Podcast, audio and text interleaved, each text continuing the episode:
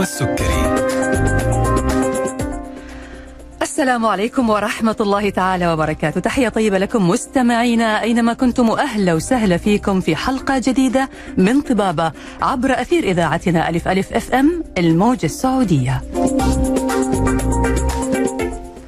معاكم إن شاء الله اليوم إلى الساعة 2 بعد الظهر في ساعة حوارية طبية مباشرة مع ضيف جديد من ضيوفنا المميزين اللي دائما بيشرفونا في برنامج طبابة. برنامجنا مستمر معكم من الأحد إلى الخميس وفي كل حلقة من حلقات برنامج طبابة بنطرح مواضيع صحية مختلفة وبنتكلم عن طرق الوقاية من الأمراض مع الأطباء والاستشاريين والمتخصصين في المجالات الطبية المختلفة اللي بيشاركونا كمان أبرز المستجدات المتعلقة بعالم الطب والرعاية الصحية.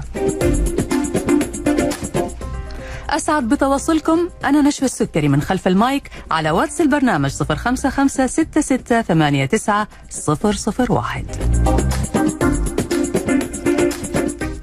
موضوعنا اليوم هنتكلم عن الأمراض المزمنة.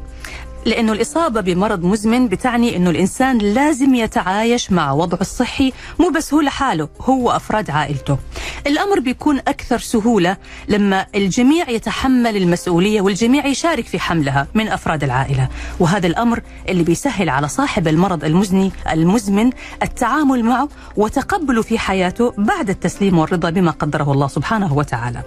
مريض السكر ومريض الكلى تحديدا من أكثر الفئات اللي بتحتاج لدعم ومساندة واهتمام كبير بالتغذية المناسبة لحالتهم لأن التغذية لها دور كبير جدا سواء في الإصابة أو العلاج. وهو موضوع حلقتنا اليوم اللي هنتكلم فيه مع ضيفتنا الأستاذة آلاء بحفظ الله أخصائية التغذية بمستشفى الدكتور سليمان فقيه.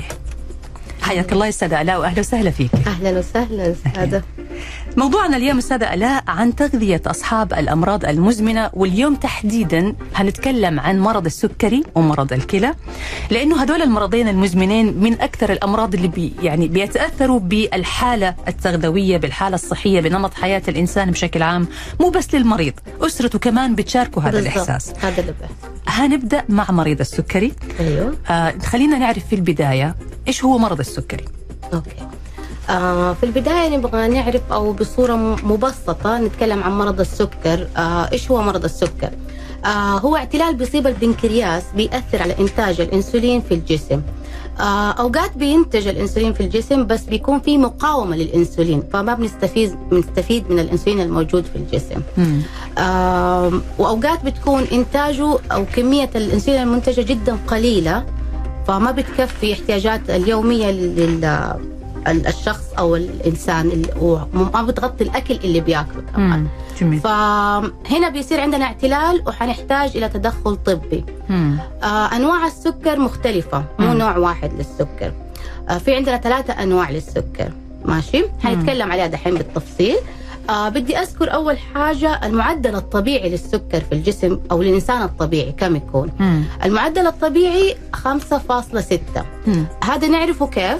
عن طريق في تحليل تراكمي للدم ثلاثة شهور من قبل بيتعامل في المستشفى عشان نعرف قد إيش أو كيف كانت ال- الفترة اللي فاتت بالضبط مستوى السكر في الدم. مم. على اساسه إحنا نقدر نحدد إذا كان المريض عنده سكر أو لا. أو لا. وفي عندنا مرحله هي ثلاثة مراحل. عندنا مرحلة اسمها مرحلة ما قبل السكر. مم. آه إذا قلنا المعدل الطبيعي 5.6 آه مرحلة ما قبل السكر 5.7 مم. وعندنا مرحلة خلاص إنه هذا تشخص المريض إنه هو مريض سكر اللي هي حتكون ال- التحليل نتيجته 6.5 مم. Okay؟ Okay. آه عشان نقدر على أساسها بعدها إنه نعرف إذا المريض حيحتاج تدخل أدوية تغذية كله حنقدر دحين نتكلم فيه بالتفصيل. تمام. طيب. آه نتكلم مثلا عن آه أعراض السكر عشان الواحد ممكن يعني آه بيصير بعض الأحيان التباس للمريض إنه ما هو عارف هل هو عنده سكر ما عنده سكر هو مو شرط مم. هو مو شرط لكن الواحد ممكن منها آه يحس إنه يعني كده أنا محتاج أروح المستشفى أسوي تحاليل حلو. آه check up آه ناخذ الأعراض أشيك. لا كويس يا. ناخذ الأعراض لأنه بعدها ممكن نتكلم عن أنواع السكر والفرق بين الأعراض بين كل نوع والثاني هل في اختلاف أو لا يعني نشوف okay طيب آه حنشوف الأعراض آه أغلبها بتكون في فقدان في الوزن. ملحوظ. فجأة يبدأ الشخص يلاقي انه وزنه بينزل. آه بيكون في عطش مستمر. يعني حتى المريض اللي بيجينا بيقول دائما بيشتكي إنه مهما بشرب ما بحس بارتواء. عطشان على طول. على طول مم. مهما بيشرب. ريقه ناشف. يا. آه بيكون في فقدان للشهية بصفة عامة. وكمان بيكون في زيادة في التبول. مم. آه وكمان عنده بعض الأحيان في ناس بيصير عندهم زغللة في النظر أو في العيون بيصير في زغللة وما بيشوف كويس. بس بس نأكد على حاجة. يا. إنه لازم تكون الأعراض هذه مع بعض. يعني لو شخص مو شرط. مو شرط. لا. آه يعني ممكن بتختلف من شخص لشخص. آه ممكن يكون زغللة بس مثلا مع عطش أو مع كثرة تبول. يعني مو بالضرورة تكون كل ممكن الأعراض. ممكن تجي عرض واحد ممكن تجي ثلاثة أعراض ممكن يعني في ناس أكت... يعني بتعرف أحيانا الشخص ما بينتبه ال- العرض اللي بيصيبه مم. بس ممكن ينتبه لنقص الوزن. صحيح هذا أكثر عرض واحد ممكن, لو لو الواحد يعني بيدخل الحمام كثير مم. ممكن يقول أنا بشرب مويه كثير ممكن الجو حار عشان كذا أنا مم. بضطرب في الحمام ممكن صح. ما يربط صح صح عرفتي؟ صح. ف...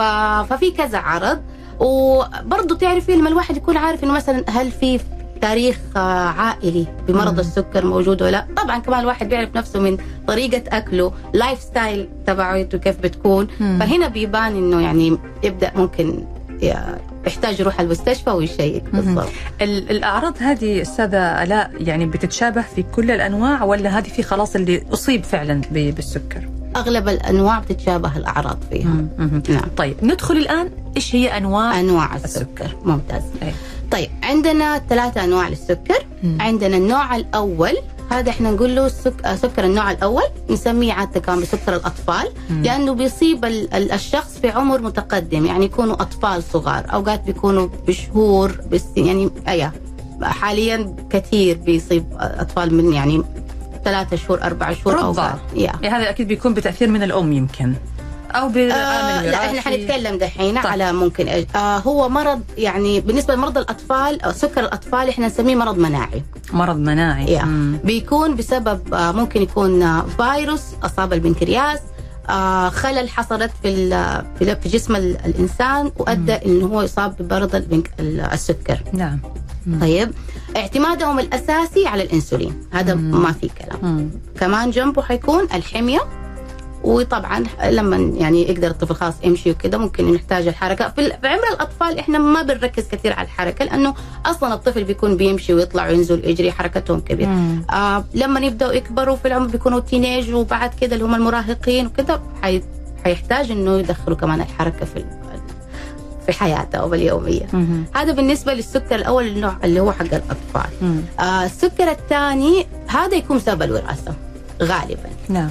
okay؟ والسبب الثاني آه، أغلبهم بيكون عندهم زيادة في الوزن مم. فأسلوب الحياة ال- الأكل ال- نمط الحياة إنه ما في حركة آه، ما في أي نشاط هذا بيكون سبب كبير في حدوث السكر الثاني مم. تمام طيب السكر النوع الثالث اللي هو سكر الحمل مم.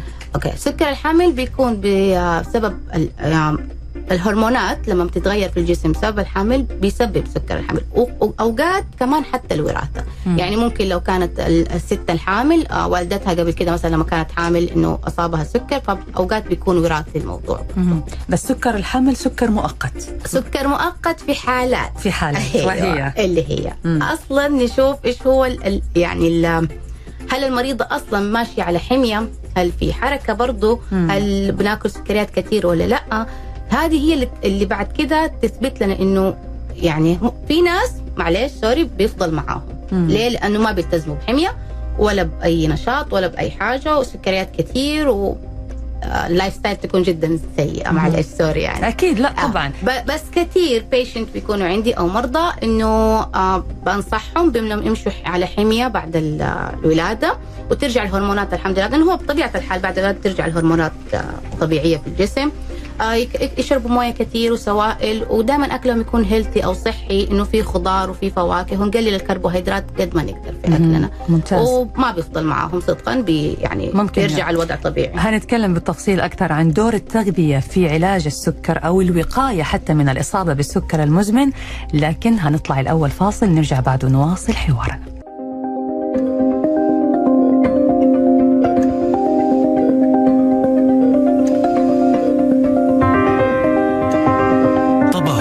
مع نشوى السكري. حياكم الله من جديد مستمعين مستمعينا الأعزاء وأهلا وسهلا فيكم مرة ثانية في برنامجكم برنامج طبابة عبر أثير إذاعتكم ألف ألف FM الموجة السعودية. وضيفتنا اليوم الأستاذة آلاء أبا حفظ الله أخصائية التغذية بمستشفى الدكتور سليمان فقيه وموضوع حلقتنا عن تغذية أصحاب الأمراض المزمنة وتحديدا السكري والكلى. وكنا قبل الفاصل بنتكلم عن آه، أهمية التغذية لمريض السكري وطبعا بنسعد باستقبال أسئلتكم واستفساراتكم على واتس البرنامج 0556689 001 وإمكانكم التواصل معنا على رقم 012 61 61 100 مرة ثانية 012 61 61 100 وحياكم الله جميعا في حلقة برنامج طبابة. طيب أرجع مرة ثانية لك يا أستاذة ألاء حضرتك أخصائية تغذية وموضوعنا اليوم عن أهمية التغذية في حياة مريض السكري ومريض الكلى. وإحنا بدينا مع مريض السكري لأنه يمكن آه هذا المرض المزمن منتشر منتشر جدا يعني. والتغذية لها دور كبير جدا في تحسين حياته تحسين صحته تحسين يعني آه، ممارسته لحياته يعني وشكل و- و- والرعاية الصحية لها دور كبير جدا هنا إنه هي تخليه يمارس حياته بشكل طبيعي. الاهتمام بالتغذية راح يساعد الإهمال في التغذية هيكون له يعني آه، انعكاس سلبي عليه. كنا قبل الفاصل بنقول التغذية وأهميتها بس قبل ما ندخل على التغذية أبغى أعرف الفرق بين type 1 و type 2 إحنا عندنا في اثنين من مرض السكر. آه النوع الأول والنوع الثاني. حضرتك تكلمتي على ال- النوع الأول اللي هو بياخذ الإنسولين. لكن في نوع ثاني من مرضى السكر. okay النوع الثاني اللي هم بيعتمدوا غالبا على الحبوب. آه طبعا الدكتور هو اللي بيحدد الجرعات والنوعية في أنواع كثيرة لأدوية السكر. أوقات عدم التزام المريض بعد فترة من تشخيصه بالسكر بعض الأحيان بتاخذ فترة. مم. أوقات على طول بصراحة يعني. بيضطر الدكتور إذا كان نسب السكر عالية على طول عند المريض اللي هو النوع الثاني اللي هو سكر الكبار إحنا نسميه. امم إذا ما في كنترول آه، الحمية ما بتفيد. هو غالبا بصراحة بيكونوا بيخبصوا في مم. الأكل معلش يعني هذه. المشكلة يعني. تخبيص الأكل آه، أو إنه الحركة قليلة يعني عارفة هم أغلبهم بيكونوا كبار في العمر فبصراحة الواحد يعني بعد ما يقدر يلومهم بصراحه يعني فأوقات ال- الدكتور بيضطر إنه هو يحولهم على إنسولين أيوه يا فممكن إنهم ياخذوا حبوب وممكن يصيروا زي فممكن يعني زي ما تقولي النوع الثاني من السكر يتحول إلى النوع الأول من ناحية ال- الدواء أو العلاج مهم. بس من ناحية التغذية هي نفسها آه بصفة عامة يعني ما حيكون في اختلاف كثير في التغذية مم. أنا أعتقد كمان إنه النوع الثاني من مرضى السكر اللي هم بياخذوا الحبوب اللي بتحفز إفراز ال- الإنسولين من البنكرياس يمكن هم أكثر حاجة مم. إنهم يحافظوا على التغذية ويحافظوا على أيوة. نمط صحي في حياتهم علشان يمنع لا قدر الله تحوله إلى النوع الأول اللي هو اللي بياخذ الإنسولين أيوه كثير من الكبار أصلا عندهم رفض شديد لإبر الإنسولين مم. طيب إحنا في معنا آه اتصال في مداخلة خلينا ناخذها السلام عليكم افراز ال- الإنسولين من البنكرياس يمكن هم أكثر حاجة إنهم يحافظوا على التغذية. آه ممكن بس لو تكرمت توطي الصوت وتسمعنا. يا ليت تسمعنا من التليفون. ألو؟ تفضل معنا على الهواء السلام عليكم. عليكم السلام حياك الله. أو- مع أه، دكتورة معايا ولا أي معك الدكتورة تفضل. الاستاذه ألاء. طيب. يا هلا. أهلين.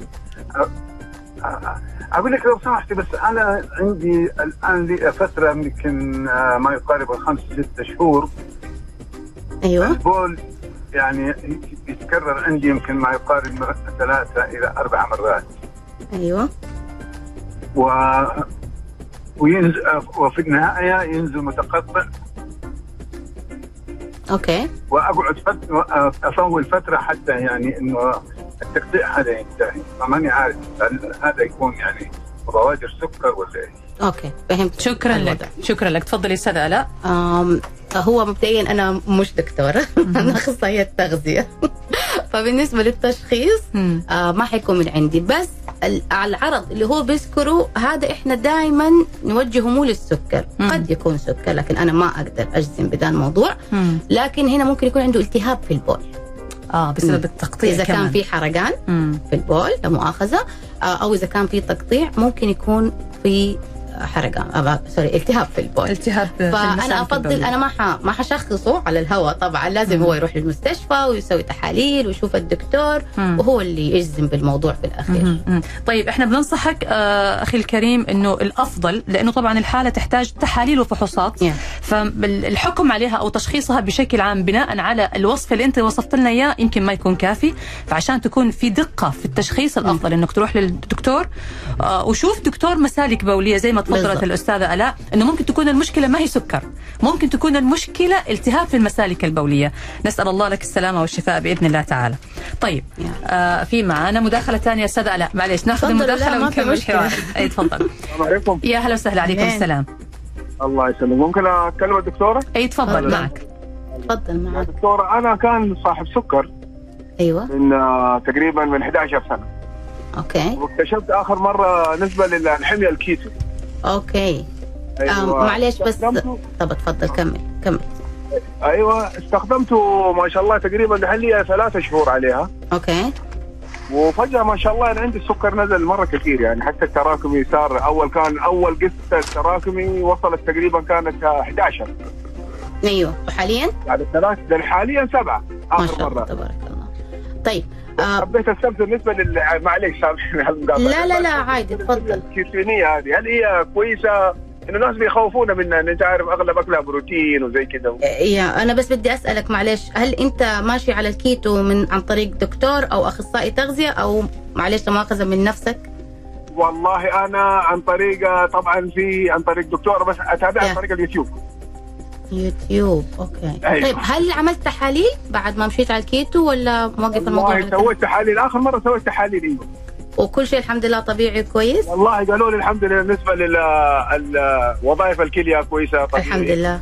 أي. ونسبة للتراكمي طبعا نزل من 11 ل 7 أي كويس ممتاز. والله إذا كان أنت بتتابع مع دكتور ودكتورك آه، نصحك بإنك أنت تكمل أو أو أخصائي التغذية ممتاز وواضح من تحاليلك إنه إنت بتقول إنه التراكمي نزل.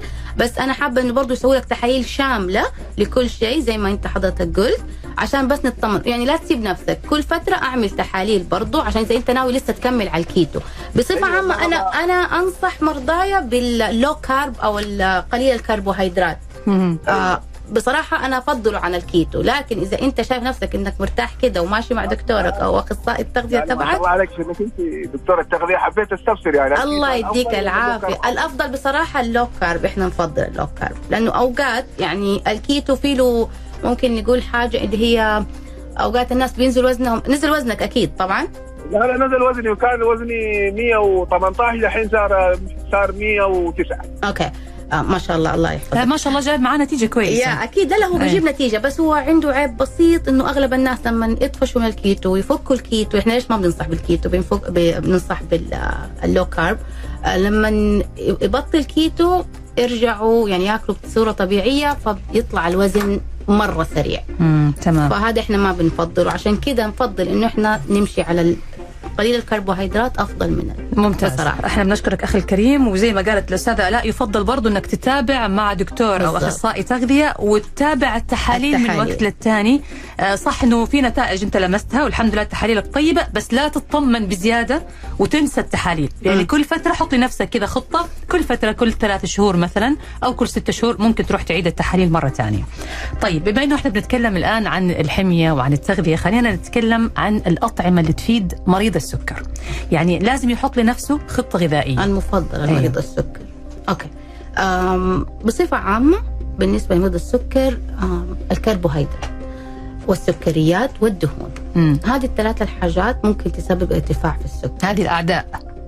آه، أوكي. تبي تسميها أعداء. زيادتها. زيادتها هي المشكلة ممكن يعني. نقول السكر والدهون هي الأعداء. الكربوهيدرات مش أعداء. مم. نوعية الكربوهيدرات. نوعيتها. حنجي نتكلم على حلو. نوعية الكربوهيدرات؟ مم. نفضل الكربوهيدرات المعقدة مم. اللي هي إيش؟ اللي هو الدقيق الأسمر. آه سواء كان باستا آه سمرة سواء كان رز أسمر. مكرونة آه ورز. إيش ما أيوه مكرونة رز عيش. العيش الأسمر طب طبعا أفضل شيء. طبعا كثير بيسألوا مثلا نخالة نفس الشيء. الشعير نفس الشيء. كل اللي فيها قشرة أو الأشياء السمراء.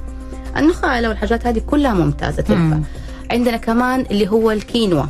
الكينوا مرة مصدر جيد للفيتامينات والمعادن وبرضه ما ما بترفع السكر هي نوع كتير. من الحبوب نوع الكينوا. من الحبوب أيوه. آه وعندنا كمان الشوفان حبيب الكل. أكيد. بالضبط. فهذه هي الكربوهيدرات المعقدة. ننصح إنه نبعد عن الكربوهيدرات البسيطة اللي هو الدقيق الأبيض.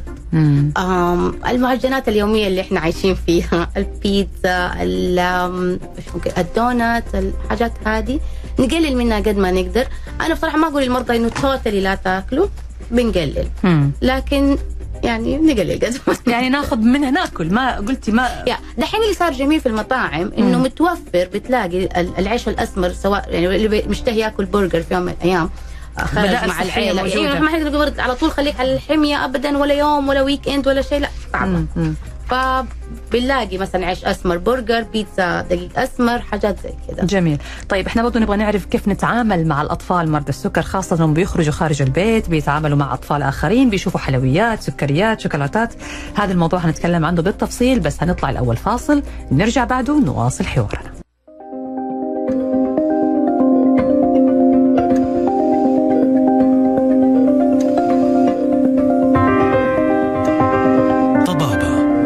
نشوى السكري ويا هلا وسهلا فيكم مستمعين الأعزاء. مرة ثانية رجعنا لكم مع برنامجكم طبابة وضيفة حلقتنا اليوم الأستاذة ألاء با حفظ الله أخصائية التغذية بمستشفى الدكتور سليمان فقيه. وموضوعنا اليوم عن تغذية أصحاب الأمراض المزمنة وتحديدا السكري والكلى. بس يمكن وقت الحلقة ما يكفي إنه إحنا نتكلم عن مريض الكلى لأنه ما شاء الله الأسئلة والاتصالات يعني كثيرة في الحلقة اليوم. آه كنا قبل الفاصل بنتكلم عن التغذية وحابين نفصل أكثر التغذية بالنسبة للأطفال مرضى السكر. بنستقبل أسئلتكم واستفساراتكم على واتس البرنامج 055 6689 001 مرة ثانية الواتس. اللي ما يقدر يتصل علينا يرسل على الواتس. 055 6689 001 والإتصال على 012 61 61 100 طيب نرجع لك يا أستاذة ألاء. كنا بنتكلم عن التغذية. الأطفال الصغار ما هو ما هم مدركين أهمية التغذية أو خطورة إنه يأكل أشياء مضرة بصحته وهو عنده آه، مرض السكري. كيف تتعامل مع الأطفال؟ أوكي. آه نقطة مرة ممتازة. آه بالنسبة للأطفال أنا دائما لما بيكون في أي مثلا أم أو أب طفل مشخص بالسكر ويسألوني كيف نقدر نتعامل أو كيف نقدر نسيطر على الموضوع في البيت مم. خاصة لو في أطفال ثانيين أكبر أو أصغر في العمر. آه فنصيحتي دائما لهم إنه نغلب نغ- نغير أسلوب الحياة في البيت أو للكل. لأنه السكر بصفة عامة للجميع ما هو صحي ابدا مم. فيعني مو نقول بس إنه هذا مريض سكر الطفل ده أو ولدي ده عنده سكر هذا ما حياكل شيبس ما حياكل شوكليت ما حياكل آه، ما حيشرب عصير مم. لا إحنا كلنا نغير آه، أسلوب حياتنا وطريقتنا. في البيت أكلنا يكون صحي أكثر نبعد عن المقليات قد ما نقدر آه ممكن دحين بيستخدموا اللي هي القلاية الهوائية ال air fryer مم. ممكن أيوه آم كمان خلينا نقول مثلا لو أضطر الواحد أو تعرف بالذات الأطفال لما يكون في سن المدرسة. حيضطر إنه هو يروح المدرسة حيشوف أصحابه يأكلوا أكيد شوكليت أو عصير أو حليب بالفراولة الأشياء هذه whatever يعني.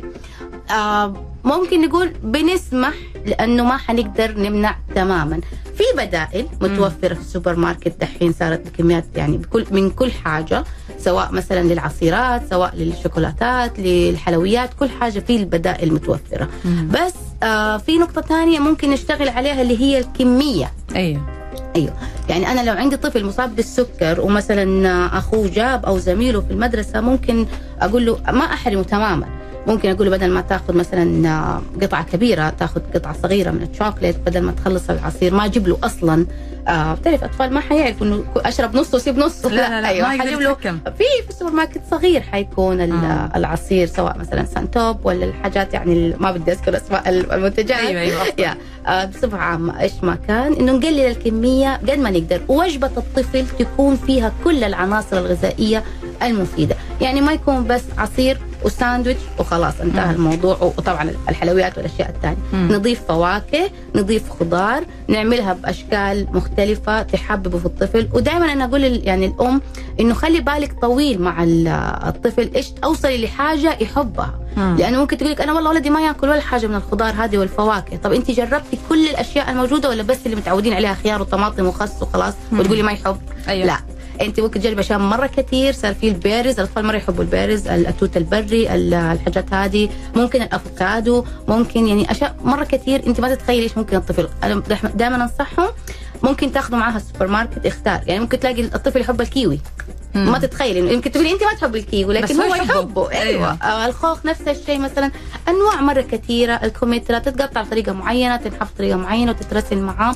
وهم في البيت نفس الشيء مو هو لحاله لأنه اذا إذا لحاله هو صار مثلا ال lunch box تبعه أو شيء إنه هو لا. أكله مختلف عن الثاني حيكون في رفض تماما لأنه حيحس نفسه أنا إشمعنى أنا صح. وأخواني التانيين عادي وإنتوا عادي ترى الطفل يعني يقلد أمه وأبوه تماما في كل تصرفاته حتى في الأكل وفي كل شيء لا وبشكل عام إحنا لو حافظنا على تغذية صحية مم. سواء للطفل مريض السكر أو حتى للأطفال الأصحاء مم. ما في مشكلة بالعكس بالضبط. هيكبروا على نمط صحي مفيد وهتكون صحتهم أحسن وعندهم رشاقة وما عندهم زيادة في الوزن.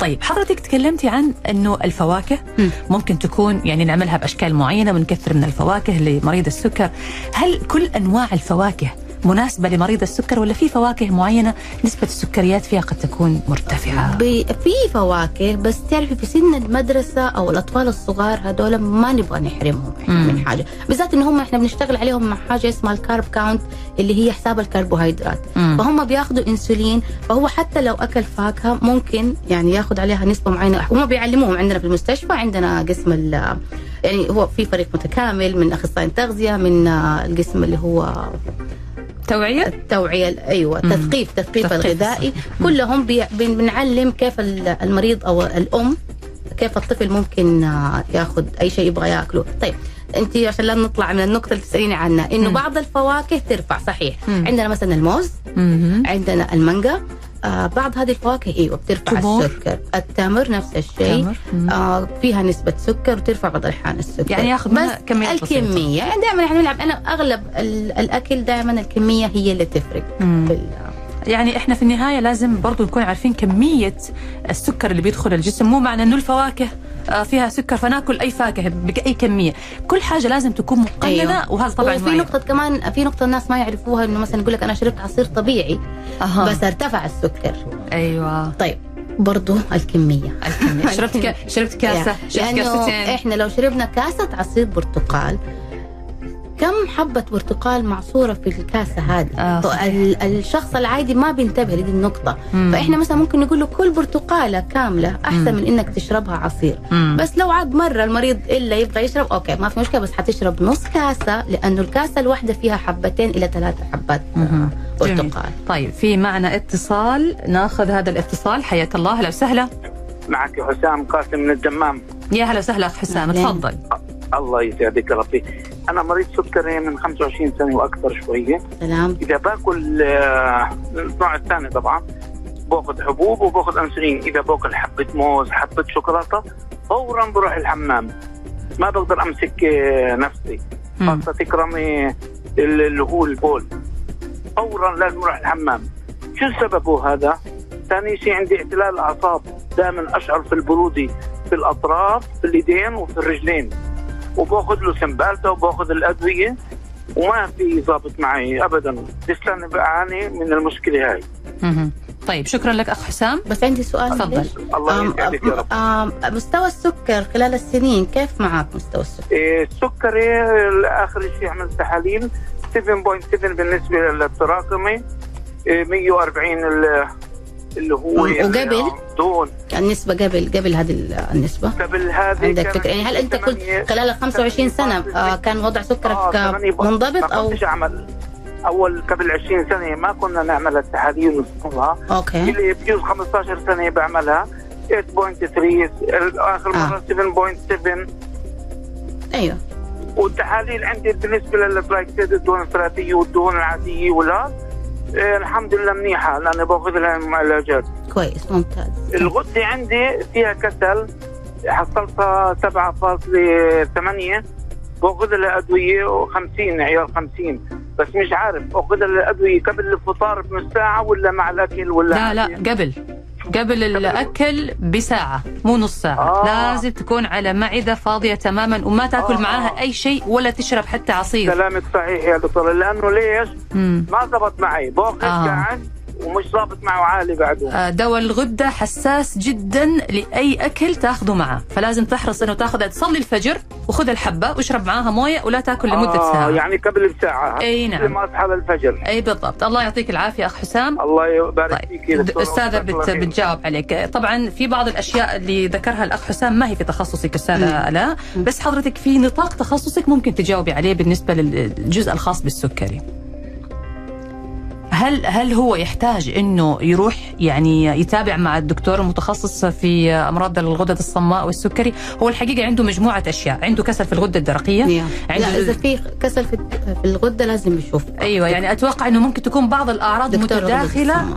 مع, بعض. بس حضرتك غذائيا إيش هو دحين؟ بي كان بالنقطة اللي كان بيتكلم عنها اللي هو الاعتلال في الأعصاب أي نعم هذه من مضاعفات السكر بصراحة يعني مم. الموضوع إنه بالذات إنه أنا ليش سألته عن قبل دائما هو له 25 سنة عنده سكر في بداية المرض أو في السنين اللي فاتت هو حاليا الحمد لله اتظبط السكر واضح عنده بس مم.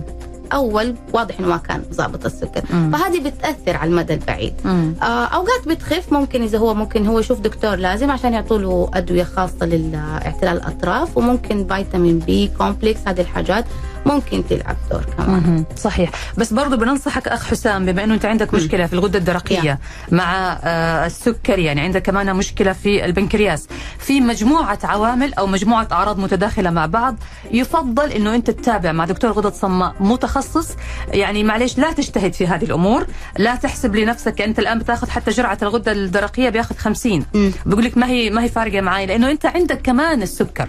فالعرضين مع بعض متداخلين مع بعض. بالضبط. فنصيحه مثل ما تفضلت الأستاذة ألاء آه، التغذية أو الحمية هنا ما هي كلها دور كبير بقدر ما المهم إنك تتابع مع دكتور استشاري متخصص ونسأل الله لك السلامة بإذن الله تعالى. طيب إحنا تكلمنا عن الأطفال يا. نرجع لجزئية مهمة دكتورة أو أستاذة ألاء عفوا آه، إيش اللي بيسبب ارتفاع السكر أصلا؟ أوكي سؤال جميل آه أوقات صح بيكون المرضى بيجوا يسألونا إحنا ماشيين على الحمية بس إنه في ارتفاعات بتصير في السكر في أشياء تانية غير الحمية بتأثر على ارتفاع السكر. آه عندنا مثلا أي اضطراب يصيب الجسم. مثلا ارتفاع درجة حرارة آه تعب أو إرهاق التهاب. بعض الأحيان حتى لو التهاب في اللويزات بسبب آه ارتفاع في السكر. مم. فدي الأشياء الواحد بيغفل عنها دائما. آه عندنا كمان العامل النفسي. العامل النفسي بيلعب دور في ارتفاع السكر التوتر. كل هذه الأشياء بتأثر. مم. آه عندنا كمان فوقها الالتزام بالحمية طبعا مم. يعني ف- لو لخبطنا في الحمية هذا أيوه. فإحنا دائما ناخذ هذه. النقاط مم. إنه يعني في نحطها قدام عيننا إنه لازم ننتبه لكل حاجة نرتاح ننام كويس كله ياثر مهم. على السكر طيب كيف أتعامل مع حالة عندي في العائلة مثلا مم. صار عنده ارتفاع في السكر ارتفاع مم. أوكي ارتفاع السكر آه أول شيء طبعا لازم يكون في الجهاز مريض سكر على طول لازم ينصرف له جهاز السكر ويكون عنده. مم. يعني أنا بصراحة أستغرب لما يجوني مرضى يقول إحنا ما عندنا جهاز سكر تحليل في البيت إنه بس بيعتمدوا على التحليل لما يجوا يسووا التراكم في المستشفى. لا لازم يكون في البيت في جهاز تحليل.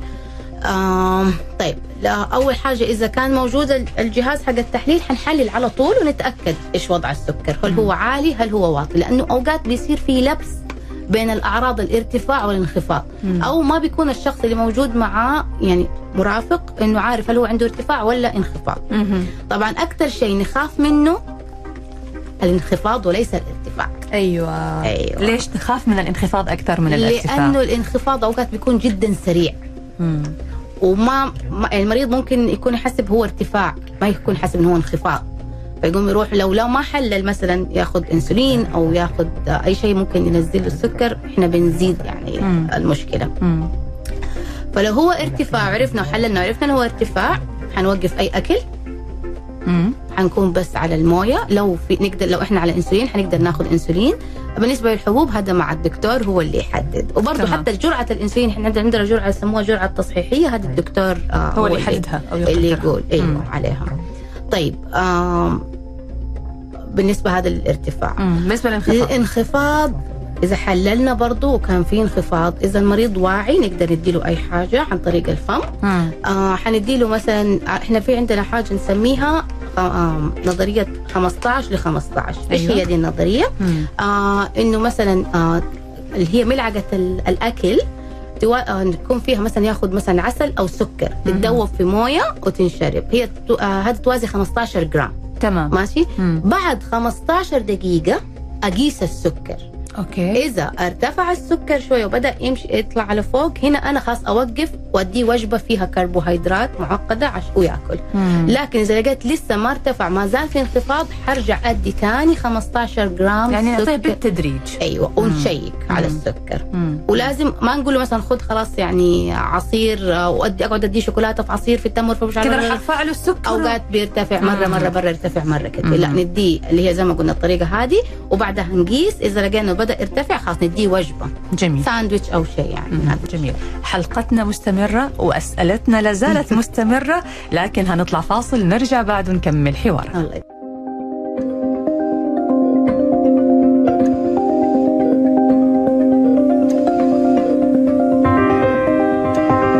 طبابة مع نشوى السكري.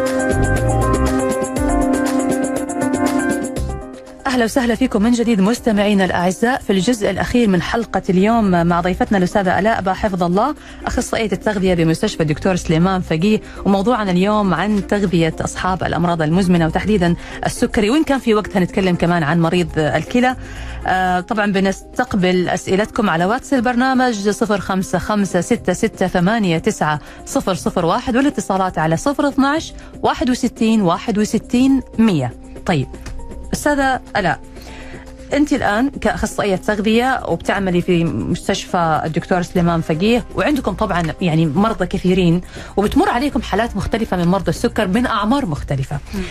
إيش أكثر المشاكل اللي بتواجه مرضى السكر واللي بتواجهوها عندكم في في العيادة؟ آه، أكثر مشكلة هي اللي معروفة طبعا اللي هي ارتفاع السكر. مم. أو إنه تعرفي الأغلب ساير نمط الحياة عندنا سريع مم. فالكل يعني يقول لك مثلا بالذات لو موظف لو شيء إنه أنا باكل الشيء الموجود قدامي وهو عنده مريض سكر فأنا دائما بأنصحهم إنه يجهزوا أكلهم من قبل مم. بلاش نعتمد على نقطة حتى لو مو مريض سكر حتى نعم. لو إنسان شخص طبيعي ما عنده أي مرض آه هذه اللي بتسبب أصلا يعني زياده زيادة الوزن مم. إنه أنا بجوع فأقوم آه، أي شيء خلاص بروح على الكافتيريا بروح بطلب أونلاين أي حاجة أكل عشان أنا خلاص مرة جعت لا قسم أكلك طول اليوم. حاول إنه أنت وجبة الفطور مرة مهمة. حاول. إنك تفطر. يعني لا تضيع أو تعمل skip للوجبات. إذا مرة مضطر يكون في سناك حتى لو تجيب معاك ال- السناك حقك معاك. أو مثلا في وجبة خفيفة. وجبة خفيفة. في كمان اللي هو ال protein bar الأحيان بينفع يعني وبيكون حاجة كويسة لل جميل. الشخص اي طبعا بالنسبة لمرضى السكر مو من نفسهم مهم. لازم يرجعوا لأخصائي تغذيه أو دكتور سكر مم. جميل لأنه في أنواع آه يعني بالنسبة للبروتين بار بما أني ذكرتها يعني مم. في خاصة لمرضى السكر مهم. يعني لازم لأنه بعضها الدكتور فيها هو اللي. يحدد أيوه يعني. إيش النوع المناسب للحاله والكمية. والكميه أيوة، والكمية. تمام تمام طيب آه معنا في سؤال أستاذة ألاء ناخذ الاتصال أهلا السلام وسهلا عليكم عليكم السلام حياك الله كيف الحال طيبين؟ الله يسلمك تفضل أخوي العافيه لو آه، سمحت بكلمة أخصائية. أي معك الأخصائية تسمعك تفضل.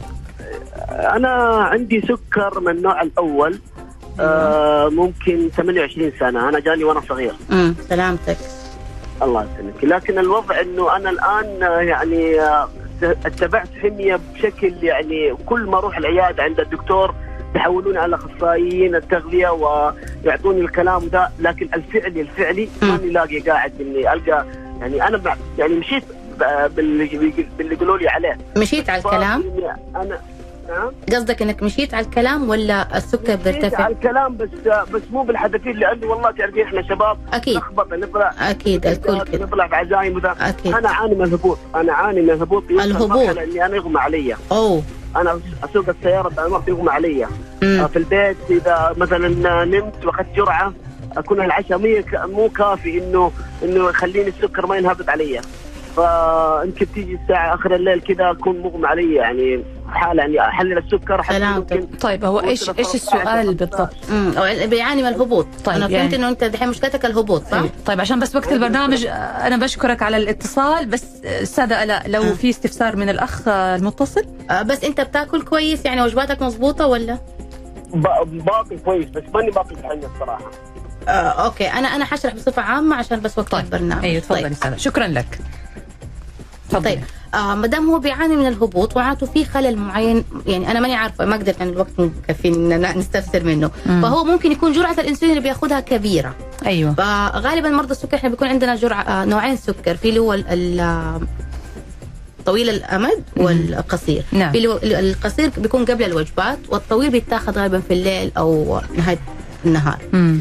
آه ممكن يكون الجرعة كبيرة عليه عشان كده بيصير عنده انخفاض وحالات إغماء وهذا الشيء أنا. أنصحه. إنه هو يعني من جد بسرعة يروح قريب للدكتور لأنه هبوط السكر جدا ما هو شيء كويس ما هو طبيعي لا. قدر الله قد يدخل في آه، غيبوبة كوما شيء زي آه. لا يعني لازم لازم يرجع لازم. بسرعة ضروري سادة لا تقول لك لازم ترجع بسرعة للدكتور لأنه هذا عشان الهبوط تعديل أيوه تعديل الجرعات. ممكن تكون الجرعة عالية بالنسبة للأكل اللي هو بياكله هو بيقول هو بيأكل أوكي هو ممكن يكون بيأكل بس وجباته ما هي مقسمة مظبوط يعني ممكن بيكون بيكتر ال- الوجبة الكبيرة بتكون في الغداء. آه فطور ممكن ما يكون مظبوط وعشاء ممكن ما يكون غالبا هو العشاء ممكن فيه الخلل بيكون ممكن. قليل أيوه.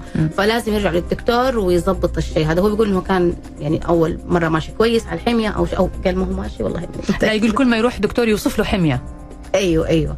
آم لازم لازم يتابع عشان يعدل الجرعة قد تكون ما ينفع. أيوه لأنه أيوة، في في. شيء مو طبيعي عنده ممكن تكون فيحتاج. غالبا الجرعات ممكن تكون أو مم. نشاطه الجسمي عالي ممكن بيتحرك كثير آه فبيحرق أيوه آه، بالضبط ممكن. فبيصير انخفاض هل تنصحيه مثلا إنه يأكل أشياء معينة تحسن من؟ الكربوهيدرات المعقدة هي أكثر شيء اللي بتمسك يعني في الجسم وبتاخذ وقت عارفة إنه يعني ما ما يعني ما بسبب انخفاض سكر. طيب في هنا حاجة برضو نقطة مهمة أستاذة لا خلينا نذكرها.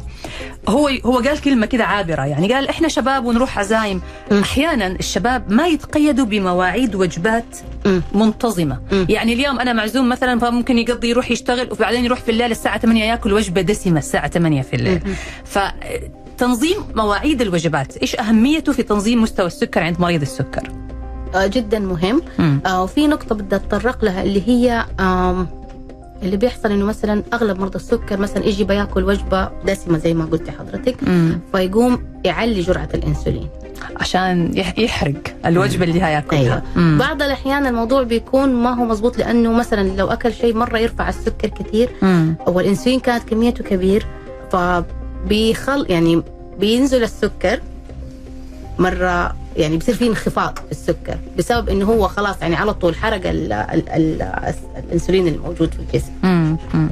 يعني لازم يحرص على تنظيم مواعيد الأكل الوجبات أيوه وما يكون في وجبة يعني فيها نسبة عالية النقطة هذه إنه مم. بلاش يسووها اللي هم يأكلوا وجبات مرة كبيرة ويأخذوا انسولين كمية كبيرة بعد ساعتين ثلاثة حيصير عنده هبوط مم. فهو ممكن يكون كان قصده كده هذا اللي بيحصل معاه إنه هو. بيأخذ جرعة انسولين كبيرة للوجبة الكبيرة وبعدها بكم ساعة بيصير الهبوط عنده أي يعني لازم ينظم لأنه ممكن بيكون قاعد؟ ساعات, طويلة من غير أكل بعدها. أيوه أيوه. وبعدين. يجي ياكل بس ما وجبة زال في. إنسولين في الجسم. امم عشان كده بيصير عنده آه لأنه اخذ كمية كبيرة انسولين أيوه. طب هذه نقطة مهمة. تنظيم المواعيد.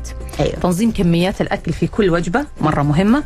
آه نحاول قد ما نقدر. نحاول. وبرضه تنظيم مواعيد الوجبات مع مواعيد أخذ جرعات الإنسولين. أي. عشان ما أخذ الجرعة وأنا ما أكلت فتحرق لي الانسولين أو إنه أتأخر في أخذها وأنا أخذت وجبة دسمة فبالتالي يرتفع عندي. فتنظيم الأكل مع الجرعات هذا مرة مهم علشان يعني هذا يعتبر نمط حياة. أي. وهذا برضه دور الأم اللي بيكون عندها مريض سكر في البيت لازم تحرص على إنه تأكله في مواعيد مضبوطة وياخذ جرعاته في نفس المواعيد المضبوطة. جميل. بالضبط. طيب آه، إحنا آه، يعني قبل ما ننهي الحلقة تقريبا إحنا وقتنا خلاص ما عاد باقي إلا دقيقة واحدة. أوكي. وإحنا كنا اليوم نبغى نتكلم كمان عن مريض الكلى بس الوقت الحقيقة ما. أسعفنا. وترى في عندنا كمان أسئلة كثيرة فناخذ السؤال هذا الأخير قبل ما نطلع ال- الحلقة آه، أنت حتقفل الحلقة خلاص لا هاخذ بس سؤال عندي نصايح أنا بدي طب. قولي خلاص معلش هنعتذر على الأس... تفضلي لا، لا، ما في. مشكلة. لا لا معلش إحنا يعني النصائح يعني تفضلي. ما هي طويلة إن شاء الله. أنا بس أكثر شيء دائما أحب أنوه عليه اللي هي آه، بلاش نسمع من آه، من أي أحد من آه، زميلي في العمل من